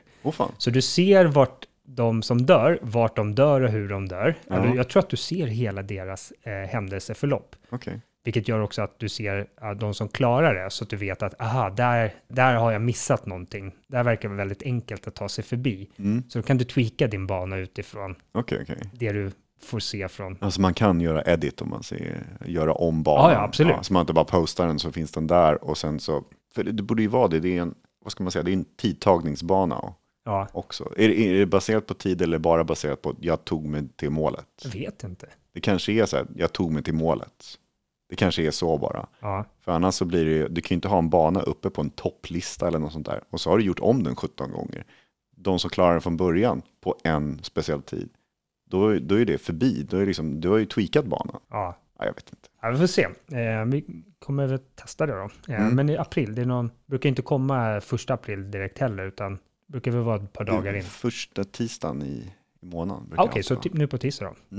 Sen så har vi inte fått reda på eh, extra spelen. De kommer ju senare också. Då. Just det. Men utöver det här spelet så fick vi ju Sackboy, Ja. A Big Adventure. Och båda de här, de är ju PS4 och PS5, så det finns ju olika versioner att välja. Då. Just det. De är ja, Ja, för uppgraderade. Sackboy kom ju precis när Playstation 5 släpptes. Mm. Ja, Jag köpte det, jag tycker det var så charmigt spel. Alltså. Ja. Vi spelade det tillsammans. Ja, på ett nyår ja. Ja, det kanske det var. Ja, just det. Ja. Och så barnen och mina spelare också. Jag gick ju vidare sen och klarade storyn. Jag tyckte Ja. den var så charmig.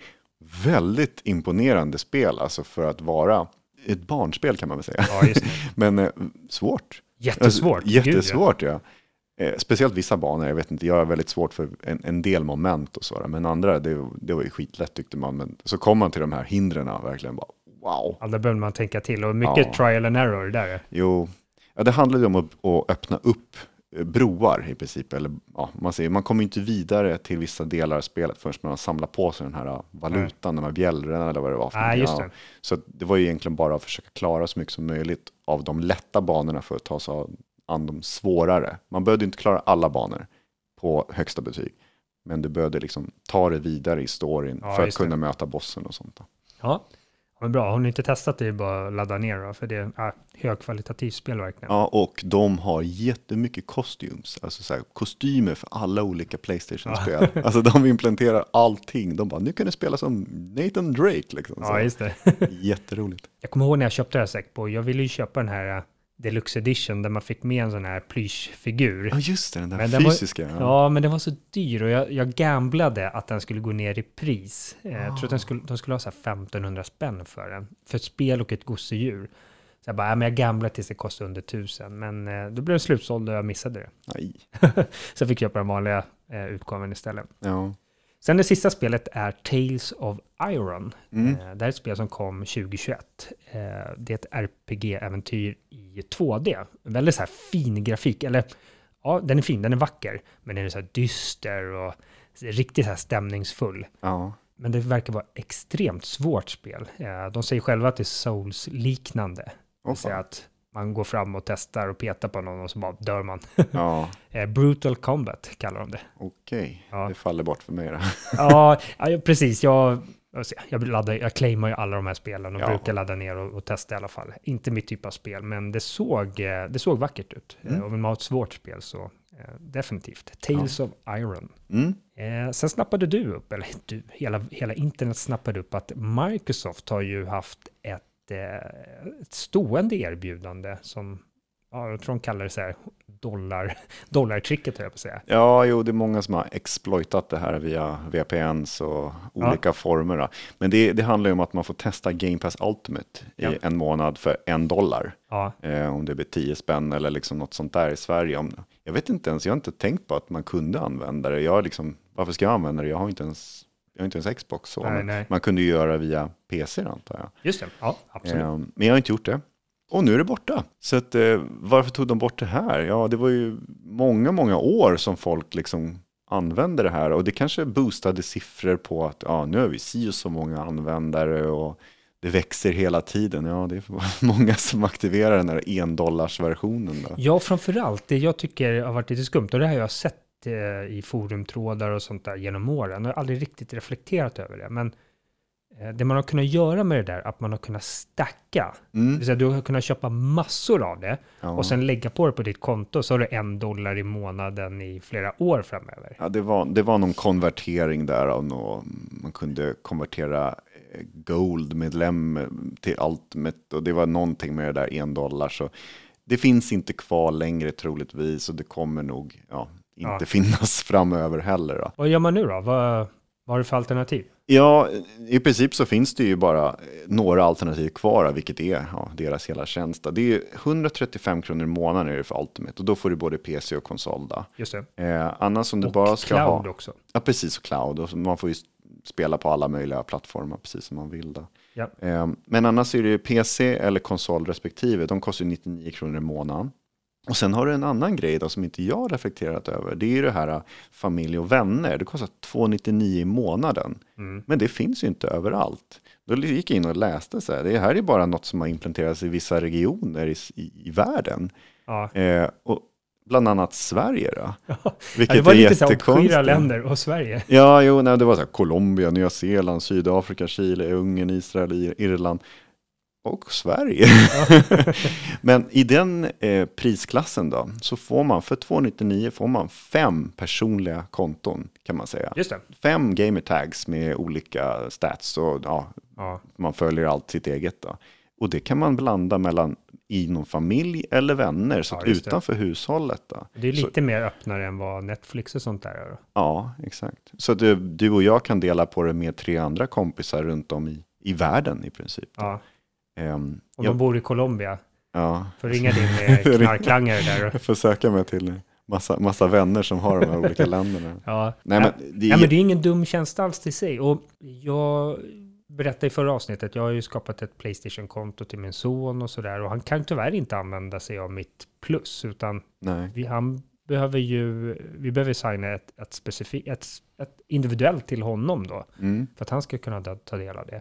Så, ja men säg som jag, eh, vi pratade lite om det innan vi började spela in, så här, men jag har ju tre, tre som spelar i familjen, jag och så mina två barn. mm, Och eh, det är ju perfekt, liksom 300 spänn i månaden för oss tre och sen kanske du är med på ett hörn och, och, och så en, en femte kompis då liksom. ja men exakt. Det blir, det blir ju ganska prisvärt. Mm. Ja, Sen sen måste alla hålla igång det där. Ja. Ja, men sen är det ju 300 spänn i månaden, alltså på ett år. Det är ju nästan 4 000 spänn. Ja. Så det är ju det är en ganska stor kostnad så här. Men, men kan man börja splitta upp det på, på flera olika som är med och betalar på det? Ja.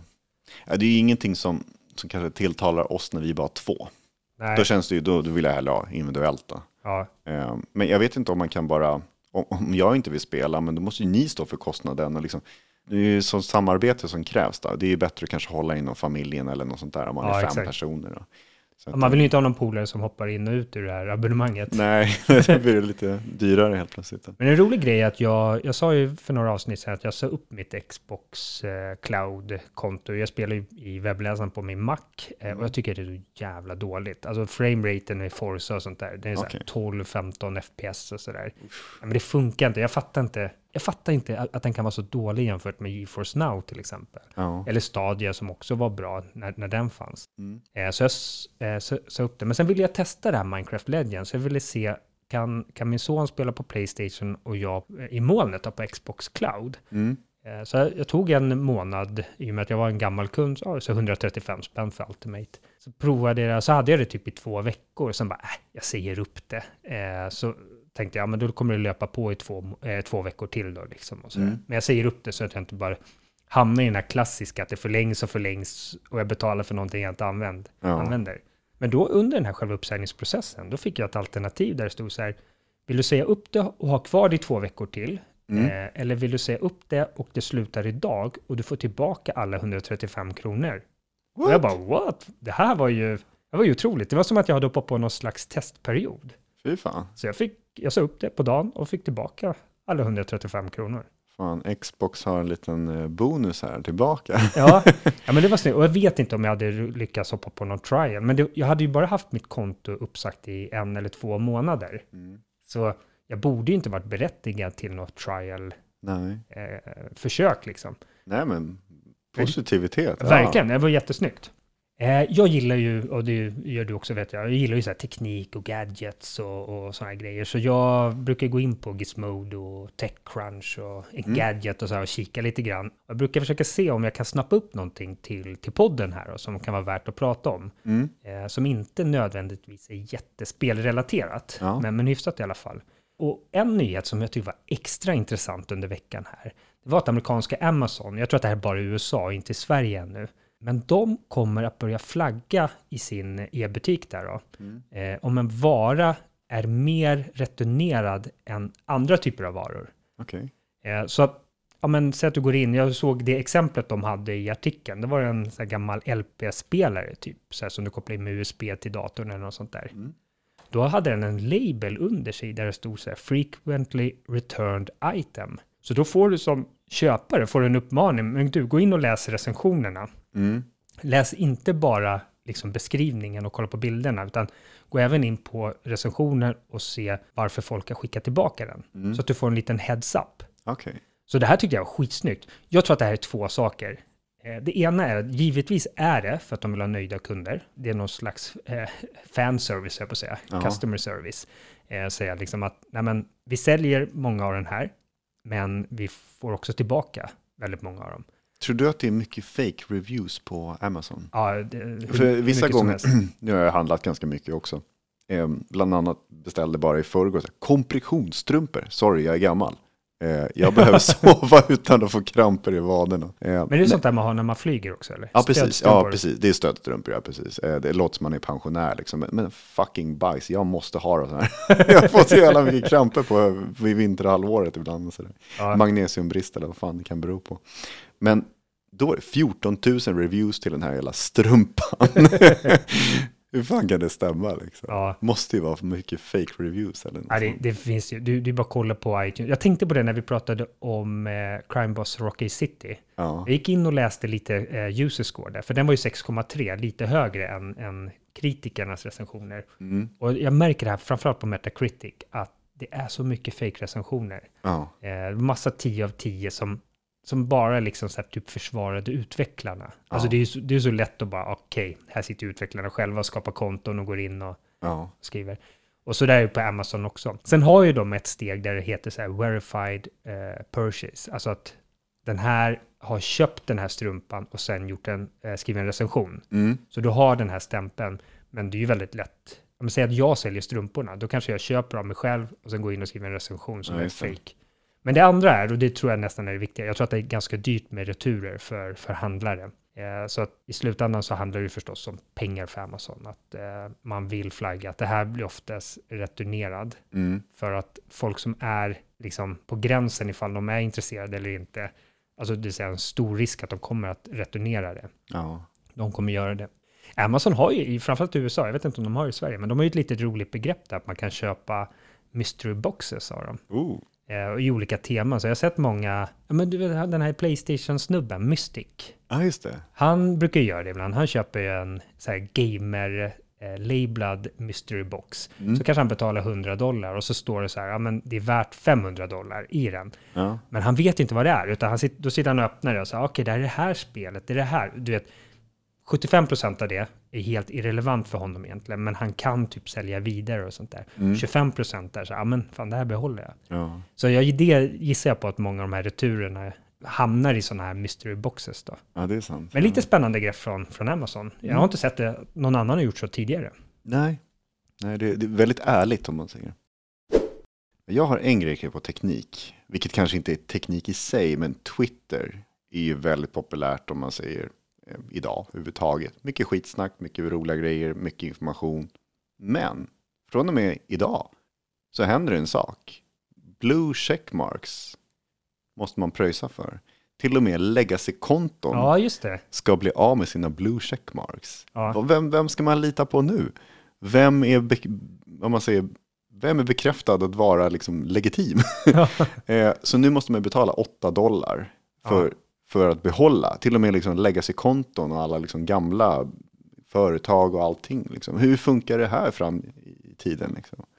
Men- Hur kommer Twitter bli? Har du sett att, att det finns ju blåa eh, checkmarks? Alltså gula? ja, de, de blåa är ju, fram tills nu då har det varit legacy och, Ja. och, och de som har betalat för Twitter Blue. Mm. Eh, men sen finns det ju gula också, om det är liksom från media eller okej, liknande. ja. Och jag tror också att du kan få, om du är en stor reklamköpare så blir det automatiskt. Okej. Men ändå, någonting kommer ju hända. Ja. För folk har ju blivit lite arga på det här också. Ja, det är ju läckt ut lite dokument att Elon Musk eh, värderar ju bolaget idag till eh, 20 miljarder dollar. Att han säger att det, det är det värde som finns i bolaget, vilket Okej. är lite eh, mer än hälften. Eller vad säger man? Det, har- det har förlorat mer än hälften av sitt värde sedan han köpte det för 44 miljarder dollar eller vad det var. Okej, ja. Alltså vi se, jag, jag älskar Twitter. Eh, jag tycker det funkar svinbra för tv och datorspel, att Mm. följa diskussioner och nyheter och så vidare. Och eh, jag är ju väldigt sportintresserad. Mm. Jag tycker att det här är två stora legitima ämnen som fortfarande lever och mår bra på Twitter. Mm. Sen visst, det finns ju mycket skitsnack även inom sport och tv och datorspel. Jo. Men det är ju inte som, ta till exempel politik och, och så här, eh, militär diskussion och så här, de, de går ju överstyr så här otroligt snabbt. Det är bara mute på allt sånt där. Ja. Men mina två huvudintressen, sport och spel, Mm. tycker jag det funkar eh, formatet svinbra på fortfarande. ja, jag håller med. Sen är det ju väldigt enkelt att eh, muta någon som man, vad vad är det här för spån liksom? Ja, ja, man blockar alla möjliga konstiga ord och ämnen och allting. Så här. Man får ju för mycket konstiga eh, rekommendationer i, till dig eller vad det är för dig, det här flödet. Ja, inte inte det. det. som du följer, utan för dig, eller vad Ja. man ska säga. Usch, det är mycket slagsmålscener och allting som har härjat och det är många som har klagat på. Det är ju bara en massa slagsmål hela tiden. Det är eh, sånt som blir viral i USA Ja, där typ två går emot varandra, det är några Karens eller några male Karens liksom. Det är bara skit hela tiden. Fan, var lite glada istället. ja glöm inte bort det, en liten eh, skamfull eh, reklam här, men glöm inte bort att eh, följa oss på GameaPod Just på. Twitter. Mm. Då kommer vi in till vilka spel som släpps i veckan här. Jag har listat två stycken, varav egentligen den ena bara är det som kanske är, är, är superintressant. Mm. Eh, I alla fall för mig. Och det är EA Sports PGA Tour. Jag tror Mm. det till och med heter typ så här Road to the Masters eller liknande som, som slogan. Ja. Men det här är första golfspelet från Electronic Arts sedan eh, 2015, där Rory McIlroy Golf kom. Varför tog de paus? Jag vet inte, Var det nå när härjade det Tiger Woods som liksom förebild eller vad man ska säga? När var han på framsidan där? Liksom? bra fråga. Han var ju, han var ju deras posterboy väldigt, väldigt länge. Sen det var var jag, det som jag minns som senast och sen bara, vad hände sen? han var ju med i lite skandaler där. Ja, han var ju otrogen mot sin svenska fru och fastnade i någon form av eh, sexhärva och sådär. Han gillade tydligen sån här golden shower. Ah, jag tänker inte gå in på vad det, vad det betyder. Googla inte det tack. Nej. Eh, så att de eh, plockade ju bort honom, avslutade samarbetet med honom och sen var det den här nordirländaren då, eh, Ja. Rory McIlroy, Mm. som var väldigt het då. Men jag tror inte att det är hans, eh, att, han, att det inte funkar så bra för honom i sporten som har gjort att de slutade, utan jag tror att de helt enkelt gick in i någon form av liksom kreativ baksmälla. Mm. Eh, det kom inget speciellt nytt till spelet, utan det var som de här Fifa och NHL-spelen, liksom samma spel i ny tappning. Mm. Och det fick väldigt svalt mottagande. Jo. Helt okej spel, eh, Rory McIlroy 2015, men Mm. det var inte revolutionerande på något sätt. Utan gissningsvis tog de något omtag då, liksom bara, nej men nu är vi, nu är vi redo ett par år senare. Mm. Och det här spelet, det har försenats lite i omgångar. Eh, jag tror det skulle ha släppts typ i höstas eller något sånt där. Och sen skulle det ha kommit i mars. Och, men nu kommer det släppas den, den 4 april. Mm. Eh, för de som har EA Play Pro. Det vet jag inte ens om det finns i Sverige. Pro. Eh, okej. Ja, det är något speciellt abonnemang de, de har. Det är Mm. inte vanliga EA Play. Men för oss andra då, vi, vi vanliga dödliga då, eh, vi får den den 7 april. Mm. Jag såg lite klipp på det här. Mm. Det var jävligt roligt att alla PGA Tour-spelare, det måste ha varit hundratals, har fått spela in sin egna unika sving i så motion capture. Så Hur, att de kan, har, hur kan det skilja sig mellan olika spelare? ja, kolla på det klippet, det är helt sjukt hur mycket det skiljer sig åt. Så? Ja. Och sen har de liksom programmerat det, för att de, om jag säger du och jag, vi har, vi har, nu spelar varken du eller jag golf, men vi, skulle vi göra det och bli bra, så skulle vi ha två unika golfsvingar. Mm. Säg sen att du kanske slår så här, din drive på 250 meter, men jag min på 220. Mm. Då kan man analysera liksom, i spelet. Så här, ja, men du slår din drive så, och jag slår min så. Mm. Eh, och sen om jag skapar en spelare, eh, då kanske jag efterapar din swing. Mm. Du kanske är Tiger Woods då, bara, jag vill ha din swing. Ja, men då kommer mina drive bli så långa. Liksom, och så. Okej. så det är så väldigt festligt ut faktiskt. Eh, sen har de ett litet karriärläger som de kallar Road to the Masters. Mm. Och det är helt enkelt att du börjar från eh, botten i någon form av amatörliga och sen ska du spela och bli bättre och bättre och till slut ska du komma upp i den här PGA-touren. Okej.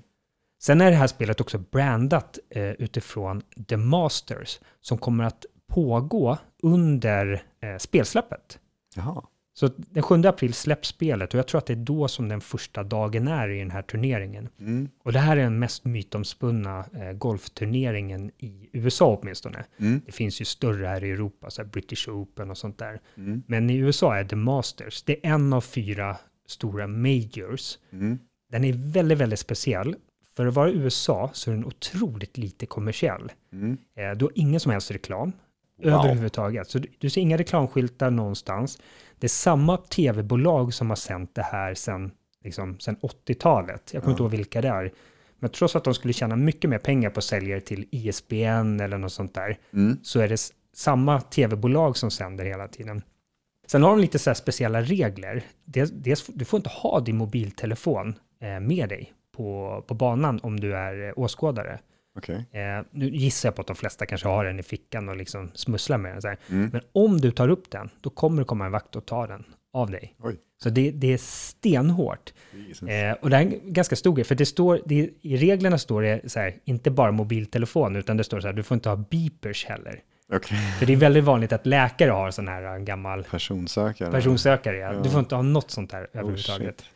Och har du med dig en flaska vatten Mm. som du inte har köpt i eh, någon av affärerna på banan, då måste du rycka bort etiketten. För du får inte synas någonstans, Vad typ? Evian eller något sånt där. Är det som hela eh, himmelsrike det här, att man inte får visa någonting? Ja, exakt.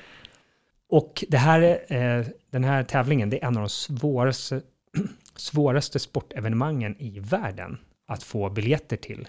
Ja. Kötiden för att få en biljett, den ligger någonstans mellan 10 till 15 år.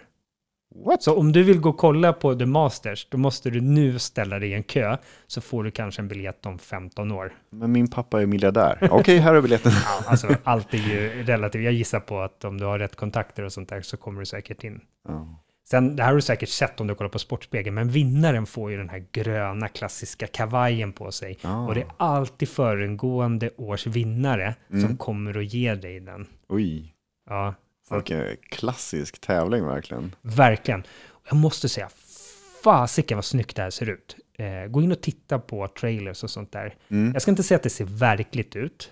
Eh, för vissa saker, jag tycker fortfarande så här publik och sånt där i det här Mm. spelet ser så här, ja, sådär.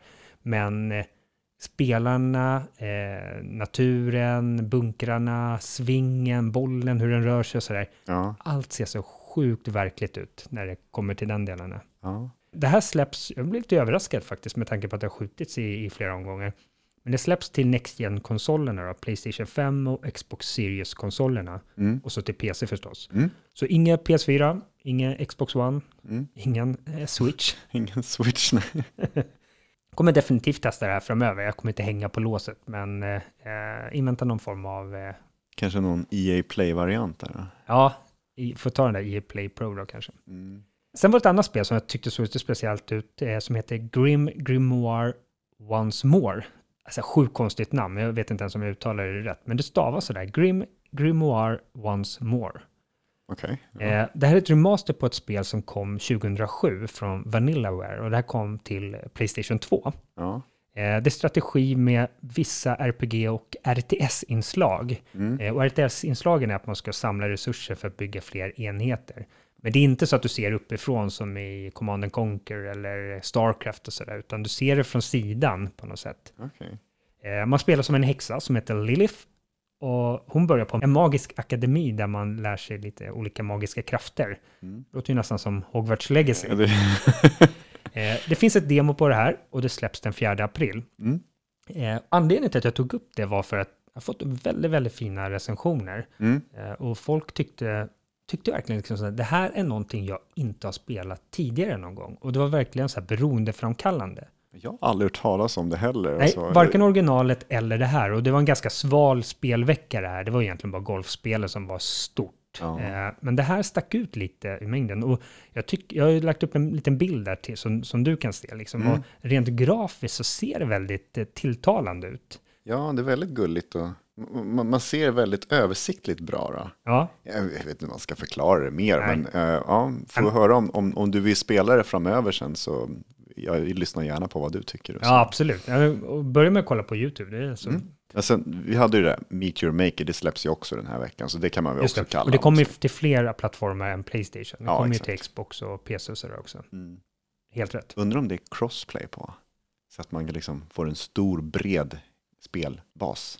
Ja, det borde För inte... det är inget så här PVP, det är ju mera bygga banor, det kan ju alla klara av på Ja, det är ju inte online sådär liksom att det, nätkoden behöver vara perfekt och sånt där. Utan Nej, nej, det borde ju rimligtvis vara cr- crossplay.